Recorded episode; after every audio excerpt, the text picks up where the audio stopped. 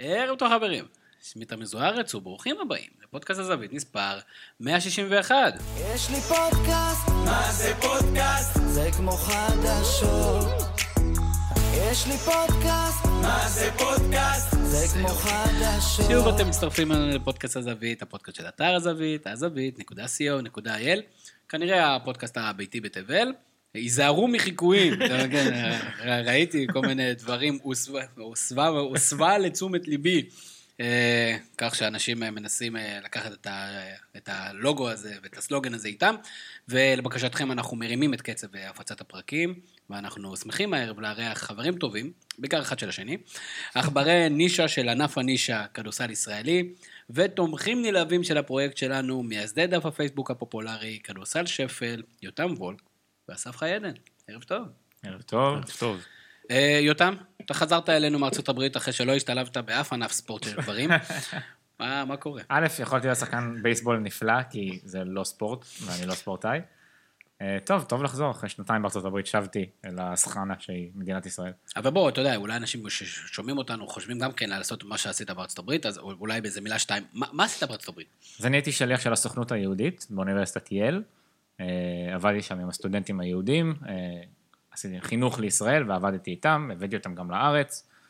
אה, הרפתקה, מאוד כיפית, אני מאוד ממליץ לכל מי שמעוניין, זאת הרפתקה של פעם בחיים, שנתיים מדהימות. קצת קורונה וברחת, זהו, אה? קצת קורונה, שלושה וחצי חודשים בדירה קטנה בארצות הברית וברחתי. היית כן. בבידוד? הייתי בבידוד אה, כפוי, כי לא הייתי, לא היה איתי אף אחד. והסיפור המרגש שלו יפורסם פה. אני במום עם אה, משא ומתן עם ברד פיט לשחק אותי בסרט, על הדמיון הגופני. יותם אומרים שדברים שרואים מכאן אה, לא רואים משם, האם זה נכון? זה בהחלט נכון. זהו, זה כל מה שיש להגיד. סתם, אני חושב ש... אין- שאלה יותר כללית אין- נכון? אין שום דבר יותר כללי. אין תשובה יותר כללית מזאת. כן, מה עוד אני אגיד לך?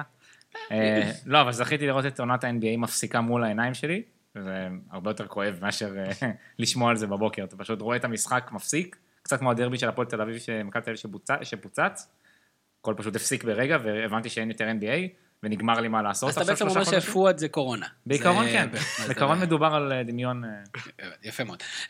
מי שבכל זאת התמיד והתארח בפרק אחד יותר מיותם, הוא אסף חי עדן, מה קורה אסף? הכל טוב, מה איתכם? אנחנו מצוין, אתה עובד על הקול שלו, שמת לב? מה איתכם? אסף, הכדורסל הישראלי חזר, האם זה היה הכרחי או שעדיף היה לוותר על הסאגה הזאת? איזו שאלה יפה.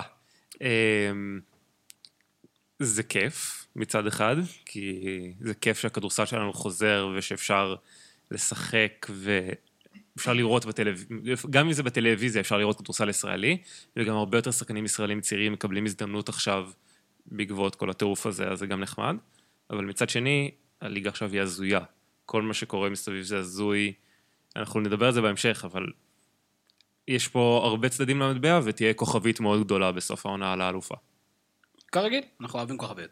אה, עוד איתנו כרגיל מפיק הפודקאסט ברק קורן, ערב טוב ברק. אהלן אהלן. ברק, זו, זו לדעתי הפעם הרביעית שאנחנו מארחים את כדורסל שפל, האם אתה מצפה שהמדינה תכיר לנו בסיפור הזה כתרומה לקהילה? הוצאה מוכרת. לא, אבל- אבל יש לי... כן, לגמרי. זה- זה פרח כזה.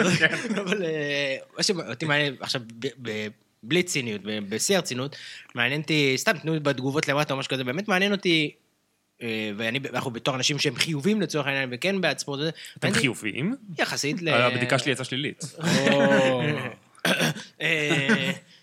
אה, כמה, כמה אנשים זה באמת מעניין ליגת כדורסל? אני בתור בן אדם שיחסית משתדל לעקוב את זה, אני איבדתי קשר לחלוטין לכדורסל הישראלי, ואין לי מושג מה קורה, בשביל זה הבאנו אתכם שתעשו לנו סדר. מעניין אותי כמה אנשים באמת, כמה גדול זה.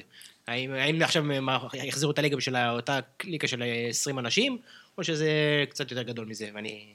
שמע, אז עכשיו, כשזה הליגה הכדורסל היחידה שמשוחקת, ובאופן כללי, פלוס מינוס הספורט היחיד שיש עכשיו לראות בארץ, גם אחרי שהכדורגל נגמר, אז קהל הצופים מאוד מאוד גדל.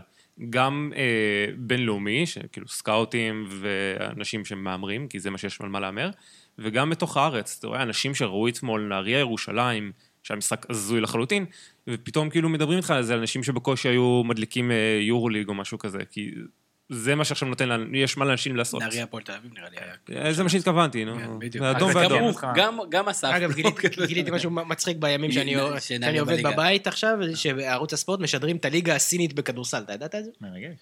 אז הליגה הסינית בכדורסל חזרה והכדורגל הסיני לא חזר? או שזה ש- או שזה שידור חוזר וזה חמור עוד יותר. זה באמת ייתכן. רק אה, לתקן אותך בדבר אחד, שציינת את הכדורגל הישראלי, ולא מדובר בספורט כשמדובר על כדורגל ישראלי. די, תפסיקו. אפשר לא. כדורסל ישראלי, כן. אפשר להתקדם. טוב, אה, יש לנו הרבה דברים על הפרק. א', נדבר קצת על הפרויקט, מעניין אותנו כרגיל לשמוע איפה הדברים עומדים ולאיפה אתם רוצים לקחת אותם. שימו לב, מסתורין.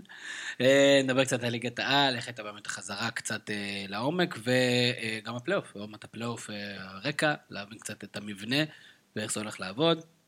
אה, חוץ מזה אנחנו נסכם קצת את העשור. בגלל שיותם לא היה, אז לא סיכמנו את העשור עד עכשיו. אז אמר, מחכים ו- עשור עד שאני אחזור. אז יש לנו סיכום עשור על המשחקים, האירועים ההזויים, השיאים שנשברו, וכמובן השחקנים של העשור האחרון. אה, נדבר קצת על המעבר של תמיר בלאט אה, לחו"ל, שזה קצת הפתיע לפחות אותי. אה, ה-NBA חוזר, דני אבדיה, אי אפשר לה- להתעלם מה- מהדבר הזה, וגם קצת על ים הדר. יש לנו טיפה שאלות גולשים קשו- שקשורות, אבל קודם כל בואו נזכיר לכולם שוב, כדורסל שפל, דף פייסבוק סופר פופולרי, אבל אתם גם נמצאים בטוויטר, ובכלל באטמוספירה. ואיפה זה עומד עכשיו? בואו תנו, לנו קצת אה, מנבחי הפרויקט. אה, אז האמת שהקורונה הייתה תקופה טובה עבורנו. אה, התחלנו מין פינה של סיפורי שפל, של הגולשים, וקיבלנו, אני לא צוחק, 30-40 סיפורים ביום, ברמה שהייתי צריך לשבת ולסנן כל סיפור, ואנשים שהיו כועסים עליי למה לא פרסמתי את הסיפורים שלהם. ו... רק היה אתר כזה שיכול לפרסם. בדיוק, שקלתי להפנות אותם, שקלתי להפנות אותם, אה, יש בחור בשם ברק, אה, אבל אני חושב שכאילו, זה גם קיבל פידבקים מאוד מאוד טובים, וגם שחקני העבר קצת פרסמו אצלנו, אה, וזה היה ממש מעניין, וממש, כאילו, זה בדיוק התכנים שרצינו להעביר. אתה שוב משתעל. ואחרי הקורונה, כשחזרנו לעבוד, אז קצת חזרנו לא להעלות פוסטים. אז אה, יותם, לתשומת לבך, אתה מחפש עבודה. וואו. אה, אם אתם שומעים, הוא מחפש עבודה והוא אחלה עובד. אה, אבל באמת אנחנו גם מנסים להיכנס לעניינים בטוויטר, ואנחנו עובדים על איזשהו מיזם חדש, איתם. אנחנו עובדים על מיזם חדש ומרגש, אנחנו עובדים על פודקאסט משל עצמנו, מה שנקרא פודקאסט ניבט כדורסל שפל, אבל לא רק כדורסל שפל. אנחנו מתכוונים לעשות פרקים קצרים של חצי שעה, דברים קלים לשמוע בדרך, על ספורט בכלל, על דברים מעניינים בספורט, נשים בספורט, אדריכלות בספורט, אה, ספורט מוזר מרחבי העולם, כמו קבאדי מהודו.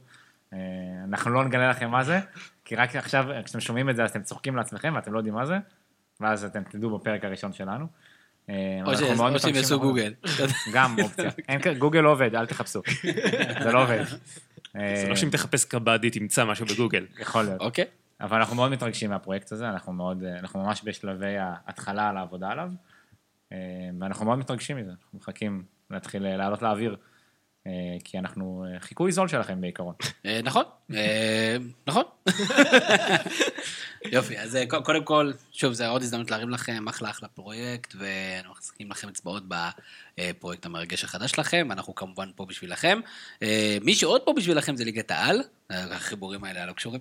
מי שעוד פה זה ליגת העל, ואסף, בואו בוא נדבר קצת על, אה, על החזרה. קודם כל, איך חזרו מבחינת אה, רמה, מבחינת אה, שחקנים שחזרו, ודברים שאולי נקודות לציון של כאילו, שחקנים, דיברת על שחקנים צעירים, אז אולי זה כמה שמות של שחקנים שעושים קצת אה, name for themselves, ולאחר מכן איך אה, הפלייאוף הזה הולך, הולך לעבוד. כדי שלא נהיה כמו דונטה סמית, שאנחנו נבין איך הפלייאוף הזה למה הולך אתה עושה להסתיים. ספוילרים כבר? זה לא ספוילרים, זה פשוט דברים שאני זוכר. למה הוא מזכיר דברים. גם.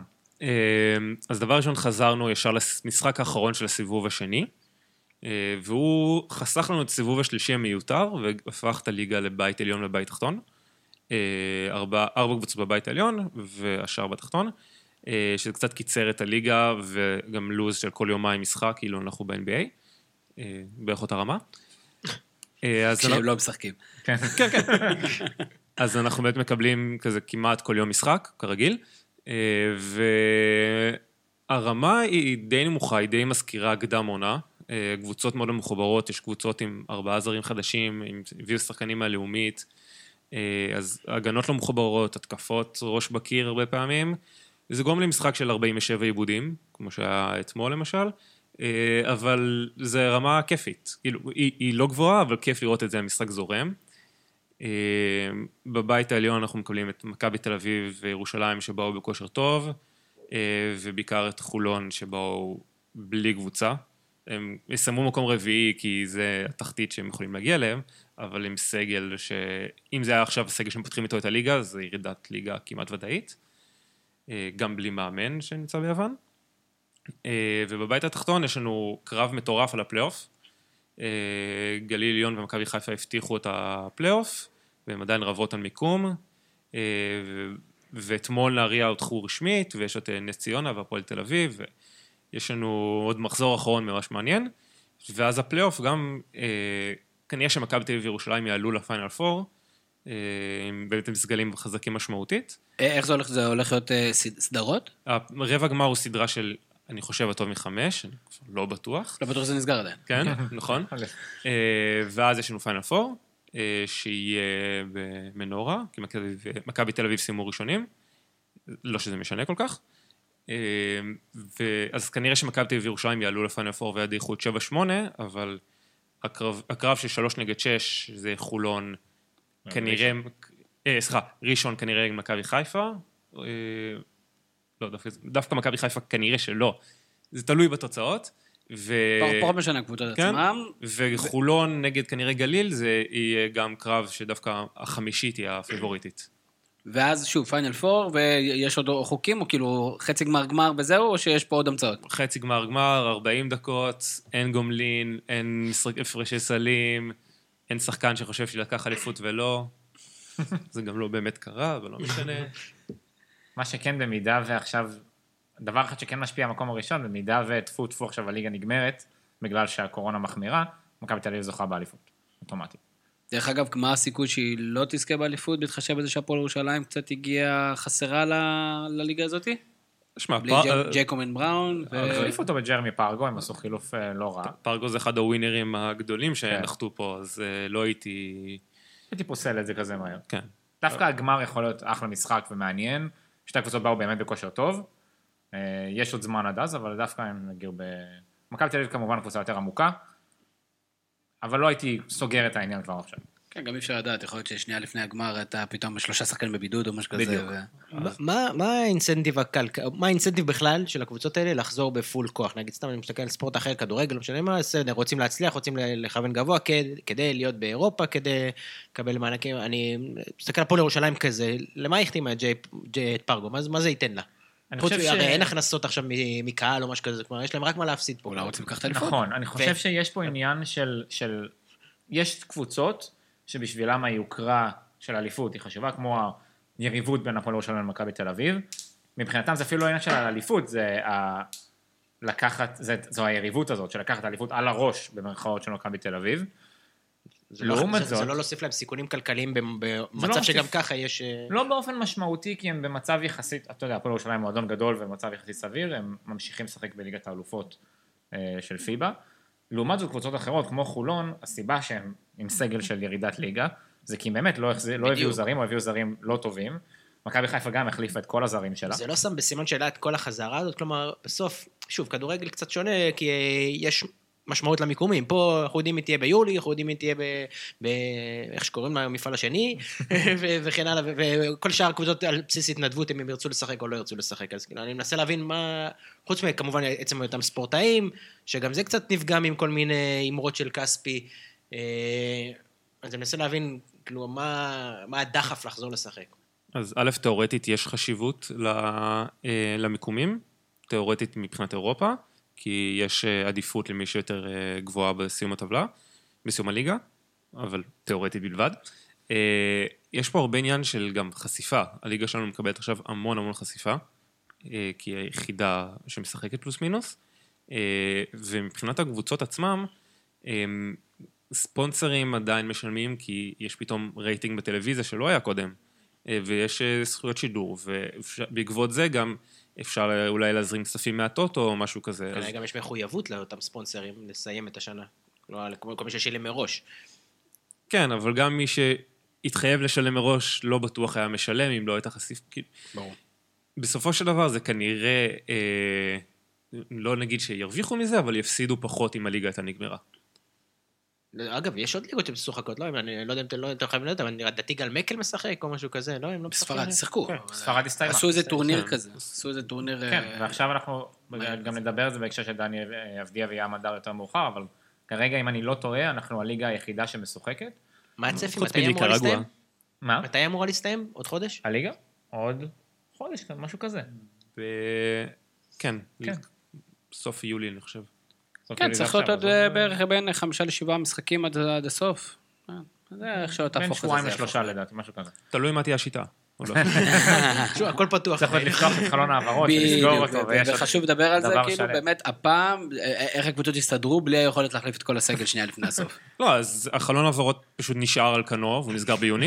אמ, רק שהליגה הפעם הדביקה. הליגה זזה. שזה. משהו ייחודי מאוד, משהו ייחודי מאוד אה, לליגה שלנו. אה, בואו תנו לי איזה כמה שמות, אה, אנחנו בפרק הקודם איתכם, סתם זורק 131, אה, או 132, אז אה, דיברנו הרבה על שחקני העתודה. דיברנו על העתודה, עשינו פה באמת אה, פרק מעולה, שדיברנו בו, ממש נכנסנו לנבחי השחקנים הצעירים, וניסינו להבין אה, האם העתוד- העתיד באמת אה, ורוד. מי, מי מהשחקנים האלה, רואים אותו עכשיו משחק בדקות שיש, וככה כדאי לנו לשנן?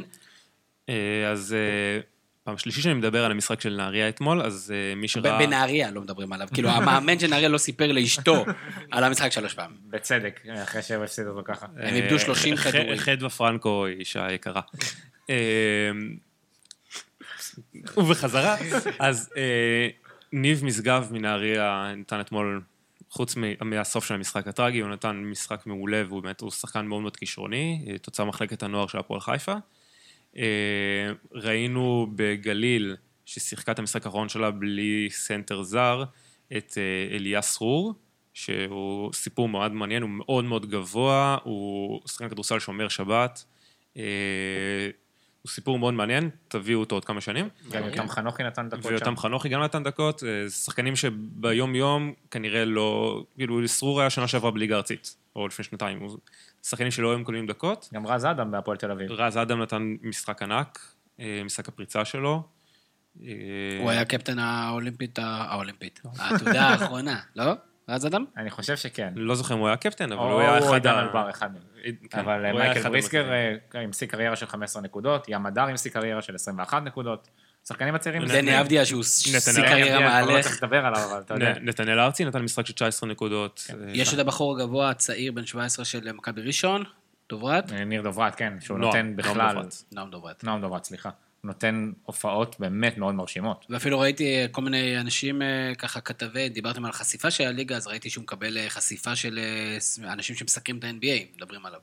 אה, כן, אז זה גם קצת התחיל עוד לפני הקורונה, כי באמת נתנו לו דקות, שזה מדהים, בן 17. כן? והוא משחק כאילו הוא הרבה שנים מעל גיל 17. אה, בהחלט יש לו עתיד אה, ורוד. יפה מאוד. יפה מאוד מאוד. אה, אז זה, זה קצת על הליגה שלנו, ואנחנו נמשיך לעקוב. יש לי אנקדודה אחת על הליגה, אם אתם מדברים על מה עתיד הליגה והכל. אז אה, שחקן אה, של מכבי חיפה, השחקן הכי חשוב שלה, ספי- ספידי סמית, שזה כבר שם נהדר, כן. מלכתחילה. שהוא, הבנתי, הכי איטי בקבוצה. כמובן, האמת שכן. הוא די מהיר, הוא די מהיר. סתם, הוא בסדר. אה, אז מכבי חיפה משחקת את שני המשחקים האחרונים של העונה הסדירה בלעדיו, כי הוא התראיין לכתבה בערוץ הספורט, ונכנס לבידוד כי המראיין אה, אה, חולה בקורונה, ומכבי חיפה הפסידה את המשחק האחרון, וכנראה תאבד את המקום החמישי בגלל זה. וזו שאלה עד כמה זה פוגע בספורטיביות. אה, ואם יהיו עוד שחקנים, פוגע בוודאות. אם יהיו עוד. שחקנים שידבקו, האם בכלל החבר'ה האלה בתנאי בידוד, השחקנים? או כמו- זה כמו כדורגל? זה? כן, כמו שהיה בכדורגל, יש להם כאילו את התנאים המקלים של לצאת עם הכלב או משהו כזה, אז הם מאמצים- כלבים. לא, יש עניין שכשאמר, אה, סטולנמר שעבר בידוד שלוש פעמים. אה, ומכבי תל כל פעם קיבלה קנס של 30 אלף שקל. כן, וכל פעם זה קורה ויש המון שחקנים, היה המון רעש של סקוטי ווילבקינג שהוא חזר לארץ, שהייתי בטיסה, אגב, בדרך חזרה. גם אה, טיילר דורסי שהיום יצא מבידוד. נכון, אנשים כל פעם, הם הביעו מחאה על הבידוד ושברו אותו, ואז אנשים מהצד שואלים, אוקיי, ומה עם העונש שלכם, ומה עם ה... אבל סקוטי שבר או רק התבטא? סקוטי התבטא נגד, אמר שבר דרך שלוש אגב, פעמים לא את רק- לא. רק סקוטי, כאילו, זה גם כן היה את פלדין ועוד כן, כן, שחקנים, כן, אבל היה שחקנים קצת... אה, הרבה קבוצות. כן. he knows. אה, אבל אמר סטודמר שעבר שלוש פעמים את הבידוד, וממשיך, ו... יש לו הרבה כסף, מה אתה רוצה ממנו? בכלל, שזה כל נושא מכבי של תל חוסר אביב זה. סיפור מוזר, לא כל נושא מכבי תל אביב, עם היורוליג, והם לא בדיוק, הם לא באמת רצו לחזור לשחק עכשיו. הם מאוד לא רצו לח- לחזור לשחק, מאוד מאוד לא רצו. בוא תעשו לנו איזה תקציר על מה שקרה שם, כי אני יודע, אני לא בדיוק בקיא, אני רק יודע שהיה שם כספי שלא רצה לחזור לשחק, פתח אחלה פודקאסט בינתיים. כן. אה, עוד מתחרה. כן, לא, חס וחלילה. היה... אה, זה מאוד מוזר מה שקרה, אני, גם מנסה להבין באיזשהו מקום, כי נשלח מכתב, ג'יי כהן הוא נשיא, אה, או נשיא או סגן נשיא איגוד השחקנים של היורוליג, אה, וקרה פשוט משהו מאוד מוזר, שהיורוליג פשוט שלחו מכתב לליגת העל, אמרו, אתם לא צריכים לשחק, אנחנו מבטל, היורוליג מבטל את ה... ביטל את המשחקים, בגלל שמדובר בקבוצות ונסיעות וכולי, אה, והם שלחו מכתב למנהלת הליגה, שאין להם שום קשר אליהם ושום אחריות ושום איזשהו גוף מעל הליגה, ואמרו לליגה, תפסיקו לשחק, כי השחקנים שלנו לא משחקים, אנחנו רוצים לשחרר אותם לגמרי. הליגה, ב... מי- מי אתם? כן, כאילו, באיזה קטע? אתם מפעל פרטי, מה קורה? כן. אה, כמובן סירבה. שחקנים של מכבי תל אביב, הם, הם כמובן לקחו את הצד של היורוליג, כי הזרים של מכבי תל אביב לא רוצים לשחק בארץ. כספי אמר שם משפט מאוד קשה לספורטאי. הוא אמר שזה לא מספיק משתלם לו כן. לחזור לשחק. כן. שזה אה, כאילו שכיר חרב אה, נטו. כן, דיוויד פדרמן אמר אה, שאי אפשר אה, לקבל ניסיון או זמן משחק נגד קבוצות כמו נס ציונה. כאילו, ב- בלי, אתה לא יודע, שהם לא צודקים אגב, אבל... אה, לא שהם לא צודקים, אבל מצד שני אתה צריך להראות כבוד בסיסי. הם הם גם לא צודקים. זה לא, זה הם-. הם לא צודקים. יש ויכוח המתמיד האם מכבי תל אביב, מה מה הליגה הישראלית בשביל מכבי תל אביב כדורסל. זה... אני לא בטוח גם- שהם סגורים על זה. יש איזו קוטביות מסוימת, בסופו של דבר ברור שמכבי תל אביב היורוליג, הם בונים את הסגל שלהם בשביל היורוליג, אף אחד לא היה משקיע כל כך הרבה כסף, גם לא היה היגיון כלכלי להשקיע כל כך הרבה כסף בשביל הליגה. זה ברור. אבל אה, אני חושב שיש גם איזה הקצנה, כי הנה, אה, לא רק, לא רק שחקני מכבי תל אביב התבטאו כנגד אה, הבידוד, שהוא קשוח, ו- ונגד החזרה למשחקים, הם לא היחידים, אבל זה הזרקור. לא. זה נכון, ובסדר, אין- כאילו שוב, לא ברור לא שסקוטי מוצדק. ווילבקין הוא בפריים יותר גבוה מאשר כל שחקן אחר. ודרך אגב, הוא חזר בטירוף. הוא- נכון, אני חושב שיש פה שני הבדלים. דבר ראשון, א', אני מסכים, זה לא ששחקנים אחרים לא התבטאו נגד, והזרקור מכבי תל אביב באמת יותר גדול. מצד שני, אני חושב שא', המכתב הזה מהיורוליג והגיבוי שמכבי תל אביב נותנת למכתב הזה הוא מטופש כי זה חוצפה, א', ב', אני חושב, הדבר השני שנעשה, שהוא בעיניי מאוד לא אתי, זה ששחקנים ממכבי תל אביב, כמו עומרי כספי, בא לאימון הפועל תל אביב ודוחף שחקנים לא לחזור לשחק. שזה מאוד חוצה את הגבול כבר בין, אין בעיה, אם אתה לא רוצה, שזה אתה גם לשחק, מטופש, אין בעיה. מה אתה צריך להגיע פיזית? יש לך כל כך הרבה אמצעים. א', נכון, כן. זה מאוד מוזר, אתה אבל יכול ב', להידבק. זה גם מאוד, זה מאוד לא אתי. זאת אומרת, מה זה, נכון. מה העניין הזה? אין- ספק, ועם זאת, כאילו, השחקנים של מכבי תל אביב, נכון, אבל השחקנים של מכבי תל אביב פה, והם משחקים, ולעומת זאת היו שחקנים מקבוצות אחרות, ג'ו אלכסנדר, שהגיע, עשה פה סיבוב, חד משמעית. וחזר הביתה, חד משמעית נכון. או שני השחקנים הכוכבים הכי גדולים של הפועל ירושלים, הסבירו שהם לא רוצים להיות פה, ופשוט הלכו. אז בסדר, אני מעדיף שיעשו רעש וש- ושישארו, הייתי מעדיף שהפועל ירושלים תשמור על הסגל המלא שלהם. זה הסיטואציה, אני חושב שהליגה, אני ראיתי כמה משחקים, הליגה הרמה סבבה לגמרי. המשחקים של מכבי תל אביב ירושלים היו טובים, מהנים באתי אפילו. לשאול אם זה מוקלט, אבל נראה לי שכן, אבל שתמיר מחמיא לכדורסל הישראלי. לא, אני לא, מאוד אוהב כדורסל ישראלי. אני מאוד אוהב כדורסל ישראלי, בלי קשר. אני חושב, דרך אגב, שהעונה ביורוליג הייתה מדהימה, היה לי הרבה יותר כיף נכון. לראות יורוליג השנה מאשר NBA. גם אני אוהב כדורסל ישראלי, אני. חושב שדורון שפר נותן עונה מאוד טובה. חיכיתי לזה, ל- ל- לא. ללייזי גורדון של איזה. ילד אתה, זה דורון שפע בכלל. זה תמיד, כולם מתבלבלים.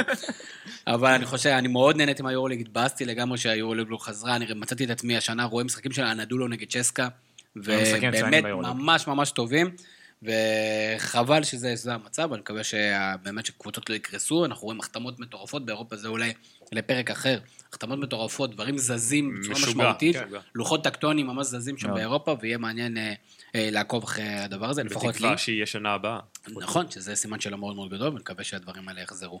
אה, אבל חוץ מזה, היה לנו עשור ש- שאותו אפשר אה, לסכם ולהיכנס קצת לדקויות ואנקדוטות, והליגה הליגה שלנו באמת סיפקה לנו לא מעט, שלל של גוונים וצבעים וסיפורים מאוד מאוד מעניינים, וכדורסל שפל כמובן הביאו לנו רגעי שפל של הכדורסל שלנו, ואנחנו הולכים לסכם אה, או לציין אה, משחקים, אירועים, שיאים ואת השחקנים, אה, ובואו בוא נתחיל יודע, ממשחקים. בואו בוא נתחיל מהמשחקים שאנחנו חייבים לזכור, היה איזה דיון של מהו עשור.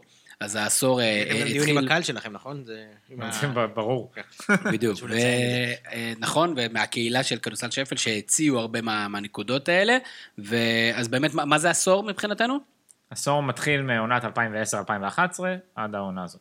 נהדר. אז בבקשה, המיקרופון שלכם, שזה כאילו מלכתחילה יש לכם. כן, הוא ש- פה ממש. מולי. כן. אנחנו לא מעבירים אחד מהשני. אנחנו לוקחים אותו אחר כך.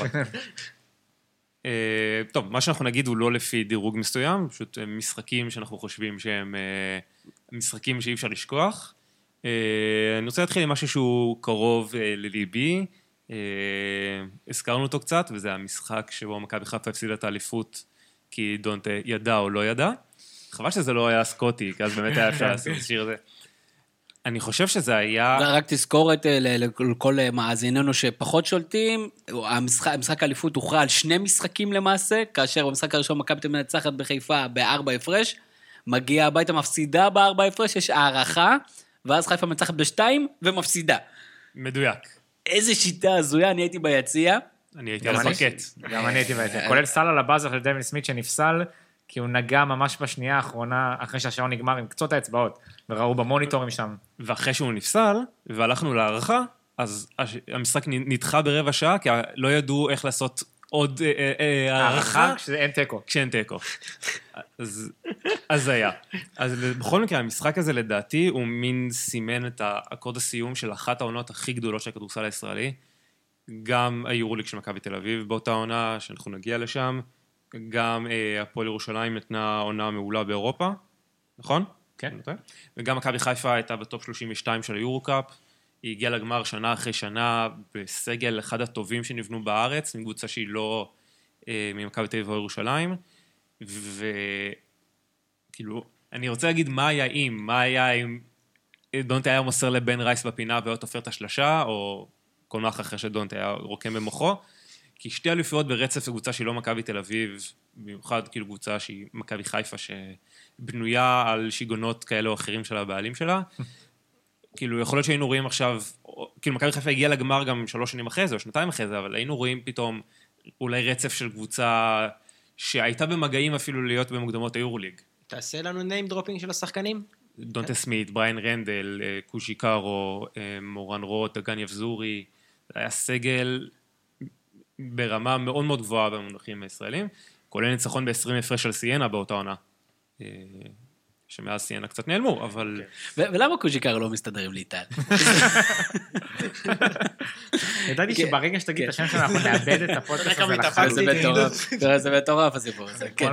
אה, אחלה סיפור, ומסתבר שהיינו שם, אתה יודע, היינו זה, ובאמת בעונה שמכבי זכתה ביורוליג. גם- כן, גם לראות את הקהל, אני חושב, בשני המשחקים האלה, האולמות היו מפוצצים.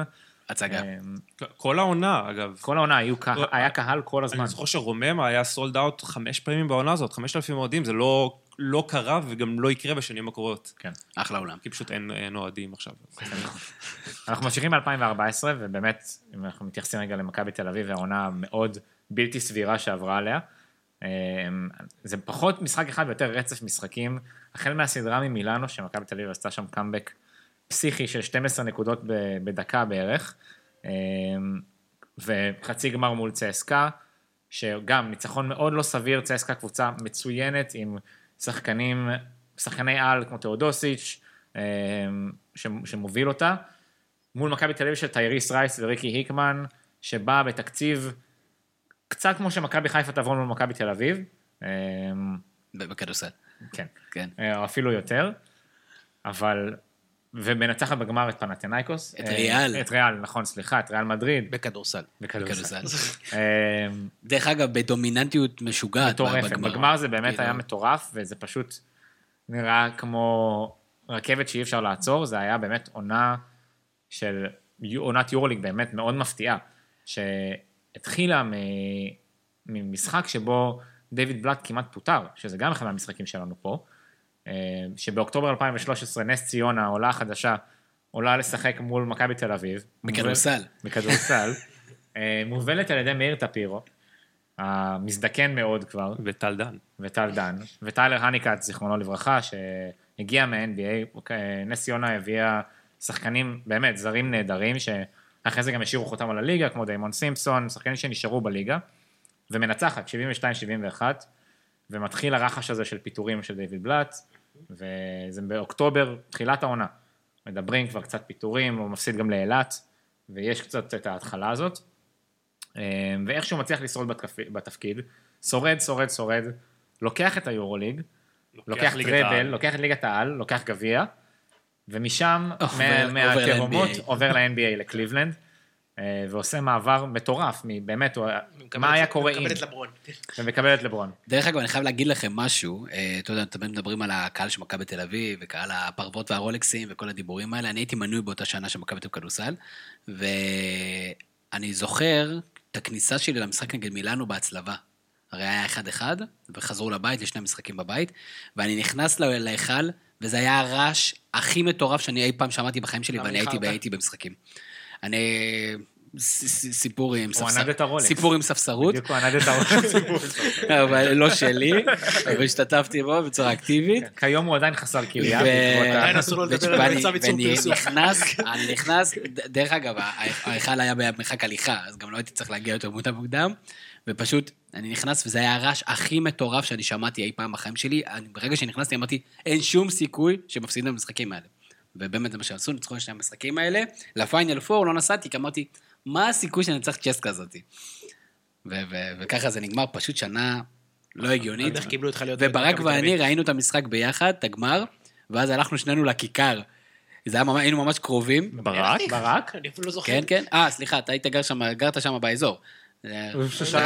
אני הלכתי, הלכתי זה, ובדרך חזרה לאוטו, עברתי פשוט בכיכר, וזה היה כאילו, היה הכי ספונטני, ואשכרה, אנשים כאילו אשכרה היו שם בתוך הבריכה, וסיפור הזוי מאוד. מה, אני רוצה גם להתעכב על זה, אני ראיתי על המשחק הזה עם ההורים שלי והאח שלי, שזה היה מאוד רנדומלי, כי אף אחד מהם לא רואה כדורסל, ואני זוכר את אימא שלי מתרגשת כמעט עד דמעות, ואני אני אומר לה, אימא, אנחנו לא אוהבים את מכבי תל אביב בבית. מאז היא פוטרה.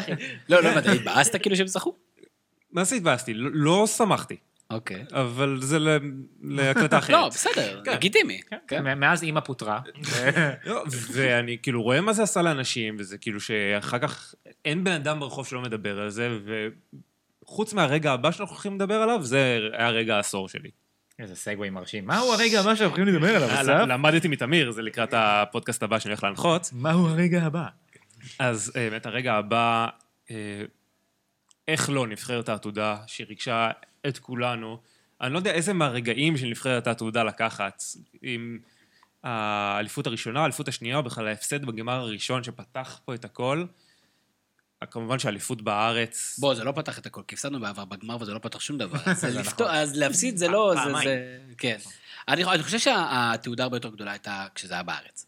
אה, גם כי. דני הוביל את זה והוא קצת יותר אה, פרונטמן מאשר האחרים שהיו בשנה לפני, וגם כי זה היה בארץ. פשוט היה טירוף בארץ, גם הכרטיסים, ורעש, ארגון ברמה מאוד ופיני, גבוהה. ו... באמת. זה, זה היה, כאילו, הרגע שזכו, והיה את תקווה, והיה את ה... זה היה רגע מדהים, כאילו. גם שם הייתי על הפרקט, ו...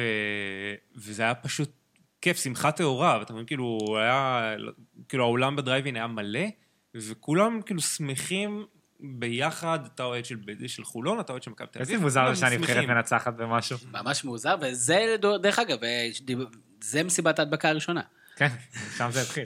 זה היה ביום הולדת שלי אגב, אבל זה באמת היה מרגש לראות, מאוד מרגש. כשחושבים על זה, מאוד מאוד מרגש. שהיה פה מעבר שרביט מתמיר בלאט, אה, שהיה בהפסד ההוא בגמר, והנבחרת ההיא של תמיר בלאט ונתנאל ארצי, לזוסמן ואבדיה שעוד היה ילד, בגמר הראשון שלקחנו ביוון.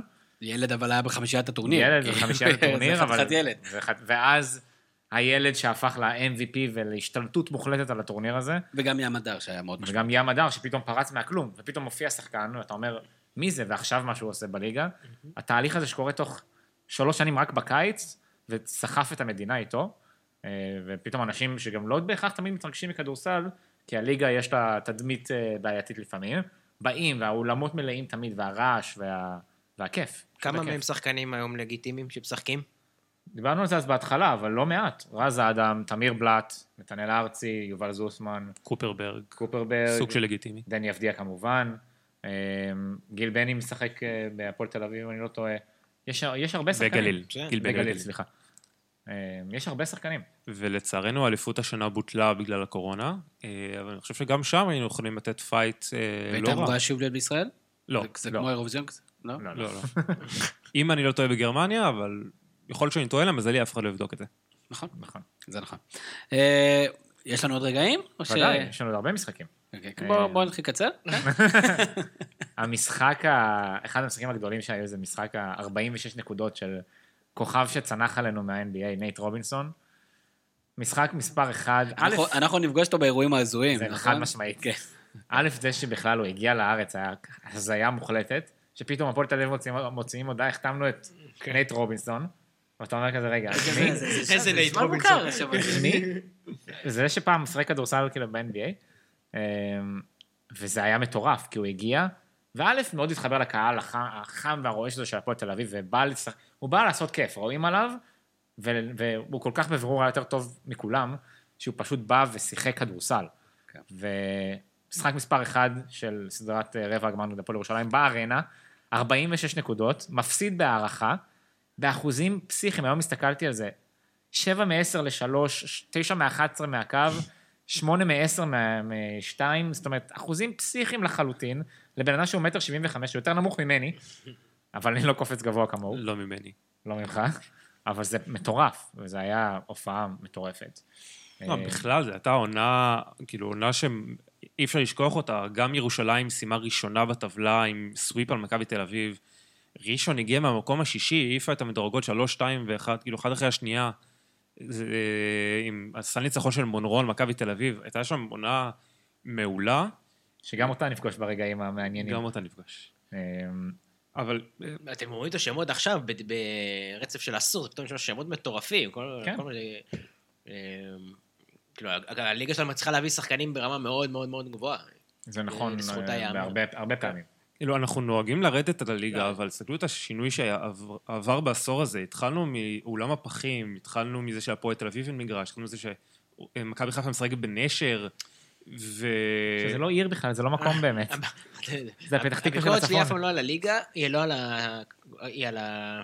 גם על המבנה, שהוא אף פעם לא ברור, וגם על השרשרת של שחקנים, הכמות שחקנים שמתחלפת כן. ורצה במהלך העונה, שזה משהו בלתי סביר סביר לעקוב אחריו. אבל הליגה החמישייה- כמעט תמיד מוציאה שחקנים, אם זה ליורוליג, כמו, עזוב את פי.ג'יי טאקר השחקנים שזה, וויל קלייברן שהיה בחולון, ועכשיו וולדן שגם היה בחולון, גם אבל ל-NBA משחקים, אפילו מוציא שחקנים. ג'סטין כן. דנטמון, מייק ג'יימס, בליגה השנייה בגליל. זאת אומרת, אנחנו מוציאים שחקנים, זה לא... בוא נגיד, עם עשרות השחקנים שעוברים פה, מישהו חייב לדעת לשחק, אתה יודע. נכון, לא, אבל זה הבעיה של כדורסל אירופאי באופן כללי, זה לא רק הכדורסל הישראלי. זה נכון. תופעה- שלא ציינו, אגב, תופעת העשור כנראה זה הפועל ירושלים. כן. התחילה אה, עם בעלים קצת מוזר, אה, בשם אה, גומה גיאר, וואו, זה היה ופתאום, בעשור הזה. מישהו יכול לדווח על. הימצאו. ופתאום אורי אלון משתלט עליה, לוקחים אליפות בעונה הראשונה בארנה, כאילו... את הישראלים הכי טובים. בכלל בונים את. הארנה. כן, באולם של עשרת אלפים מקומות בירושלים. ופתאום אנחנו מקבלים כאילו קבוצת כדורסל שהיא באמת מתחרה פה על, על מכבי תל אביב, היא מתחרה על להיות הראשונה בארץ. גם הייתה ראשונה בארץ. וזה אחד הדברים שהכי פיתח והפתח את הכדורסל בארץ, התחרות הזאת. לקח להם זמן, זה יפה שהם הצליחו להתמיד, גם הבעלים, זה לא הלך חלק, זה לא... כן, וגם עכשיו, כשאורי אלון לקח צעד אחורה, הם עדיין שם. הם עדיין גם טובים באירופה, לפעמים. זה לא היה סטל גיא דמר, כשבא, משים- שם כסף, עוזב, אה, והקבוצה חוזרת דיברתם אחורה. על נט, גם הם החתימו פה יצור חלל, הביאו פה פתאום שחקן שמי היה מאמין שהיינו רואים אותו בתור ילדים, פתאום הביאו פה את אה, אמר אסטודמאייר לשחק כדורסל נכון. בארץ. נכון. דברים כאלה. אבל מסיבות מש- משונות, אבל... אה, גם, אבל לצד, גם, לצד דמויות כאלה, היו גם דמויות שהיו מרתקות בליגה, כמו האחד והיחיד גלן רייס ג'וניור, שמעבר לרגעים שגם אליהם, שוב, אנחנו נגיע, שהיו פסיכיים לחלוטין, הבן אדם היה מכונת כדורסל, כולל המשחק שרשמתי פה, שחולון זוכה בגביע ב-2017-2018, עם תצוגת מטורפת שלו לאורך כל הדרך. בגמר נגד מכבי תל אביב, 28 נקודות, 8 ריבאונדים ו-7 אסיסטים. לא רואה בעיניים, לוקח שניים, שלושה שחקנים על הגב וקולע. כולל סל ניצחון, מטורף לחלוטין. אה, ועם כל הבלגנים והטירוף ש- שהיה סביבו, כשהוא בא, כשהוא היה על המגרש, זה, אתה לא יכול להוריד ממנו את העיניים. אבל חוץ מזה, הוא גם הביא עניין, אתה יודע, דיברו עליו, דיברו על בזה זה. בטוח. אה, אבל לא עניין חיובי. אי אפשר לפספס. זה. בסוף הוא- זה גגת... אה, הוא חייב את דן שמיר כדי להתפרנס, אני מבין. הוא- כן, זה נכון. גם שם הוא עושה צרות. זה גם נכון. אה, משחק אחרון שנציין, אה, שהוא היה רגע מאוד מרגש, יותר מאשר משחק איכותי.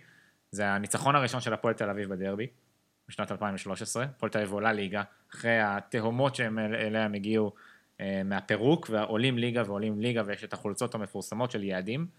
אה, בזמן שהם בלאומית, הם משחקים כבר בליגה הבלקנית ועושים, משחקים, מגיעים לפיינל פור. ליגה הבלקנית. זה מין כזה מפעל אירופי מאוד מאוד משני, האינטר טוטו של אה, זה. בוא נגיד שגלבוע גליל זכתה בו שנתיים ברצף. זה נכון. האינטר טוטו של הכדורסל. לא, נשמע כמו ארוחה שיצאה מכלי הליגה שהפועל תל אביב חייבת לקחת באליפות. כן. כאילו- לא, אבל הגיע לחצי גמר גביע המדינה מהליגה הלאומית. כן, הדיחה קבוצות ליגת העל, כמו מכבי חיפה. מכבי פתח תקווה עכשיו בגמר בגביע המדינה בכדורגל. כן, אבל בכדורסל זה הרבה יותר אה, חד צדדי לרוב. יש לך את עניין כמות הזרים. אה, אז הרבה יותר קשה להיות סינדרלה. כן, זה משהו שהוא היה מאוד יוצא דופן, ואני חושב שהניצחון הראשון שלהם בדרבי, גם בכדורגל יש עניין של זרים, אבל כן. אתה בכדורגל, הניצחון הר- הראשון שלהם בדרבי, הוא היה סוג של, ראית התפוצצות של אהבה לספורט, של גם אם אני, שאני לא אוהד הפועל תל אביב, לא אוהד מכבי תל אביב, לראות את זה היה פשוט כיף. זה, זה הסיבה למה אנחנו אוהבים ספורט. שקבוצה מגיעה מהתהום ל- לפסגה שלה, ש- פסגת השאיפות שלה, ובועטת בשמעון מזרחי. תתאר את זה איך שאתה רוצה. אז ל- לדעתי זה אחד הרגעים, כאילו, שיותר נהניתי בהם בעשור הזה. תמונה של מתן נאור חוגג עם הקהל היא עדיין מאוד שוב, קבוצת אוהדים שהצליחה לעשות את זה, יש שם כל מיני נקודות, אה, נקודות, אה, משחקים נהדרים, כן. אה, אבל עירבתם פה גם את האירועים. נכון, אז יש אירועים, יש גם שיאים. האירועים, אנחנו נשמור אותם לסוף בגלל שזה כמה דברים הזיה שקרו פה. אה, אז בוא בוא נדבר על השיאים. מה השיאים של. העשור האחרון? אז אנחנו, בהיותנו נאמנים לשם שלנו, בחרנו את השיאים השפל ברור. שקרו. אה, באדיבות, אה, באדיבות, אחד אה, והיחיד. אחד והיחיד והאיש השפל יוסי מדינה. שלא ידענו בכלל שהוא עושה דברים לכדורסל. אתה תמיד תדע שהוא עושה דברים, כי הוא שולף לך נתונים סטטיסטיים רנדומליים לחלוטין. הוא חלק מהסגל המורחב שלנו, מה נכון. שאומר שבאינטרטוט הוא מקבל דקות, אבל אז מודח אבל לא מהסגל. תשלום, הוא לא מקבל תשלום. נהדר. אז השחקן עם האחוזים הכי גרועים מהעונשין במינימום 100 זריקות, עופר פליישר. לא, אור סולומון, אוקיי. 38.2 אחוז, שזה מאוד מעט מהעונשין, וואי, וואי. והוא לא סנטר, הוא כאילו small forward, זה מאוד מוזר. מה הוא קלעי. הוא כן, קולע זה- באופן כללי. אוקיי. אתה רוצה סגווי לנקודה הבאה? ודאי, בוא נשאר בנס ציונה. תודה רבה. השחקן עם האחוזים הכי גרועים מהשלוש במינימום 100 זריקות הוא טל דן, שהוא שחקן סביר לכל הדעות. אבל למה הוא זורק שלשות? הוא לא- 19.6 אחוז, הוא גם לא יודע למה הוא זורק שלשות. מינימום 100 זריקות, אה, מינימום. 22 מתוך 112. וואי וואי וואי. ואני חושב שכולם היו נגד מכבי חיפה. סביר מאוד להניח. אבל נראה לי שכולם כזה זריקות כזה התאבדות בסוף שעון כזה, לא? לא, לא. לא, הוא- 116 זריקות? יש הרבה סוף שעון. כל רבע, יש סוף שעון. מתי כל הוא- יבין? כל- תיקח את כל העשור הזה. זה לא רע. כן, בעשור, כן, זה הרבה. מה עוד? מי, תנחשו, מי השחקן עם ממוצע הנקודות הנמוך ביותר בליגה בלפחות 100 הופעות? הם לא מכירים אף אחד מהליגה. זה גם ועוד שחקן שלא קולע. אה, אתה תנחשו. מתכוון קבוצה, זה השחקן. עם השם הכי חמוד שיש. אז אני לא אקשיב עליכם. פי- פיקצ'ו כהן? דניאל גור אריה. שזה קרוב. איזה שם חמוד זה דניאל גורריה. כן. ב-130 דניאל סימבה. ב-131 הופעות הוא כלה נקודה, אה, נקודה אחת, נקודה 15. אנחנו לא נלאה אתכם, אבל נסיים. דווקא השחקן שכלה הכי הרבה, ועם הכי הרבה נקודות מדד, שהיום בדקתי את זה, וזה, אז היה לא, אף אחד שציפיתי. אני לא אתן לכם לנחש, כי זה מאוד מוזר, גם אנחנו לא הצלחנו. מרקו קילינגסוורף, הוא שחקן, משחק בנתניה, משחק קצת במכבי חיפה, קצת באשקלון. קצת באשקלון. ישן. הוא תחילת שחקן העשור. ישן, תחילת העשור, אבל עדיין, עד, עד סוף העשור, עם הכי הרבה נקודות, והכי הרבה נקודות מדד. כי הוא שיחק בקבוצות תחתית שהוא את כל הנקודות. אה, הוא ולא הוא לקח עשה מלא הגנה. ריבאונדים. לא ולא עשה הגנה. גם. אה, ומהסגווי הנהדר הזה נעבור, כמה הוא קלע? הוא כלה 2,096 לא, נקודות. כמה במ- בממוצע, או שזה הכל לא בדקתי בממוצע, רציתי. לבדוק לפי מספרים. רגע, אה, אני- חייב עוד נקודה אחת, שיא שפל אחד. הקבי. אוקיי. אה, יש שחקן אחד בליגה, בכל העשור הזה, אה, נכון. שבכל המשחקים שהוא שיחק, הוא הורחק בחמש עבירות. בכל משחק? כן. בכל המשחקים. בכל שהוא שיחק בליגה, בעשור הזה הוא הורחק בחמש יש עבירות. סיכוי בכלל? לא. אוקיי. שיחק. לא, כי בהתחלה היה לכם מה זה סיכוי. אז אה, אני אגלה לכם שהוא שחקן שעד לאחרונה היה מחליף של רודי גובר ביוטה. אה, אה, איך קוראים לו? אפה יודו, שהסנטר ניג'רי, נכון? כן. כן? סנטר הניג'רי שבשביתת השחקנים ב-NBA חתם בבני השרון למשחק אחד. שחקן באמת מצוין, היה בפנרבחצ'ה גם תקופה... שחקן מעולה. באמת טוב. מעולה. אז הוא משחק משחק אחד בארץ, הוא קלע 22 נקודות, 16 16 ריבאונדים, 4 חסימות, שורה מדהימה, אבל יצא בחמש עבירות במשחק היחיד שלו יכולת בכל גם להגיד, העשור הזה. השחקן היחידי שקלע 22 נקודות. זה שיאים של NBA כאלה. יכלתם להריץ חמישה-שישה שיאים על הסיפור הזה. נכון. יפה מאוד. אה, בוא- בוא נדבר- בוא נבחר טופ אה, חמישה שחקנים של העשור אז הזה. זה טופ חמישה שחקנים, אבל את זה אתם צריכים לדרג. אנחנו לא הולכים לדרג. אתם צריכים לדרג. לדרג זה קשה. חייבים לא, לדרג זה קשה בגלל שהשחקנים שבחרנו, יש... חלק הם באמת מבוססים על הם רק סטטיסטיקות. ישראלים או גם לא, זרים? זרים, בחרנו רק זרים. אוקיי. אמ, בגלל שהם לא תמיד מבוססים על סטטיסטיקות, אלא על מה שהם עשו בליגה. אז הראשון, שוב, לא בדירוג, הוא דונטה סמית. דונטה סמית אז הוא היה- המקום הראשון שלך בעצם. הייתי צריך לראות את זה מגיע. האמת? חד משמעית. האמת כן, שכן. חד משמעית. האמת שכן, כמי שראה אותו כל שבוע, כן. אה, דונטה סמית, אני כן אתן את הסטטיסטיקות שלו פה, כמעט 14 נקודות למשחק, אה, שישה ריבאונדים וחמישה אסיסטים, שזה נשמע מעט, אבל צריך לחשוב גם על משחק קצר יותר. שתי חטיפות למשחק. עם שתי חטיבות למשחק, שזה המון.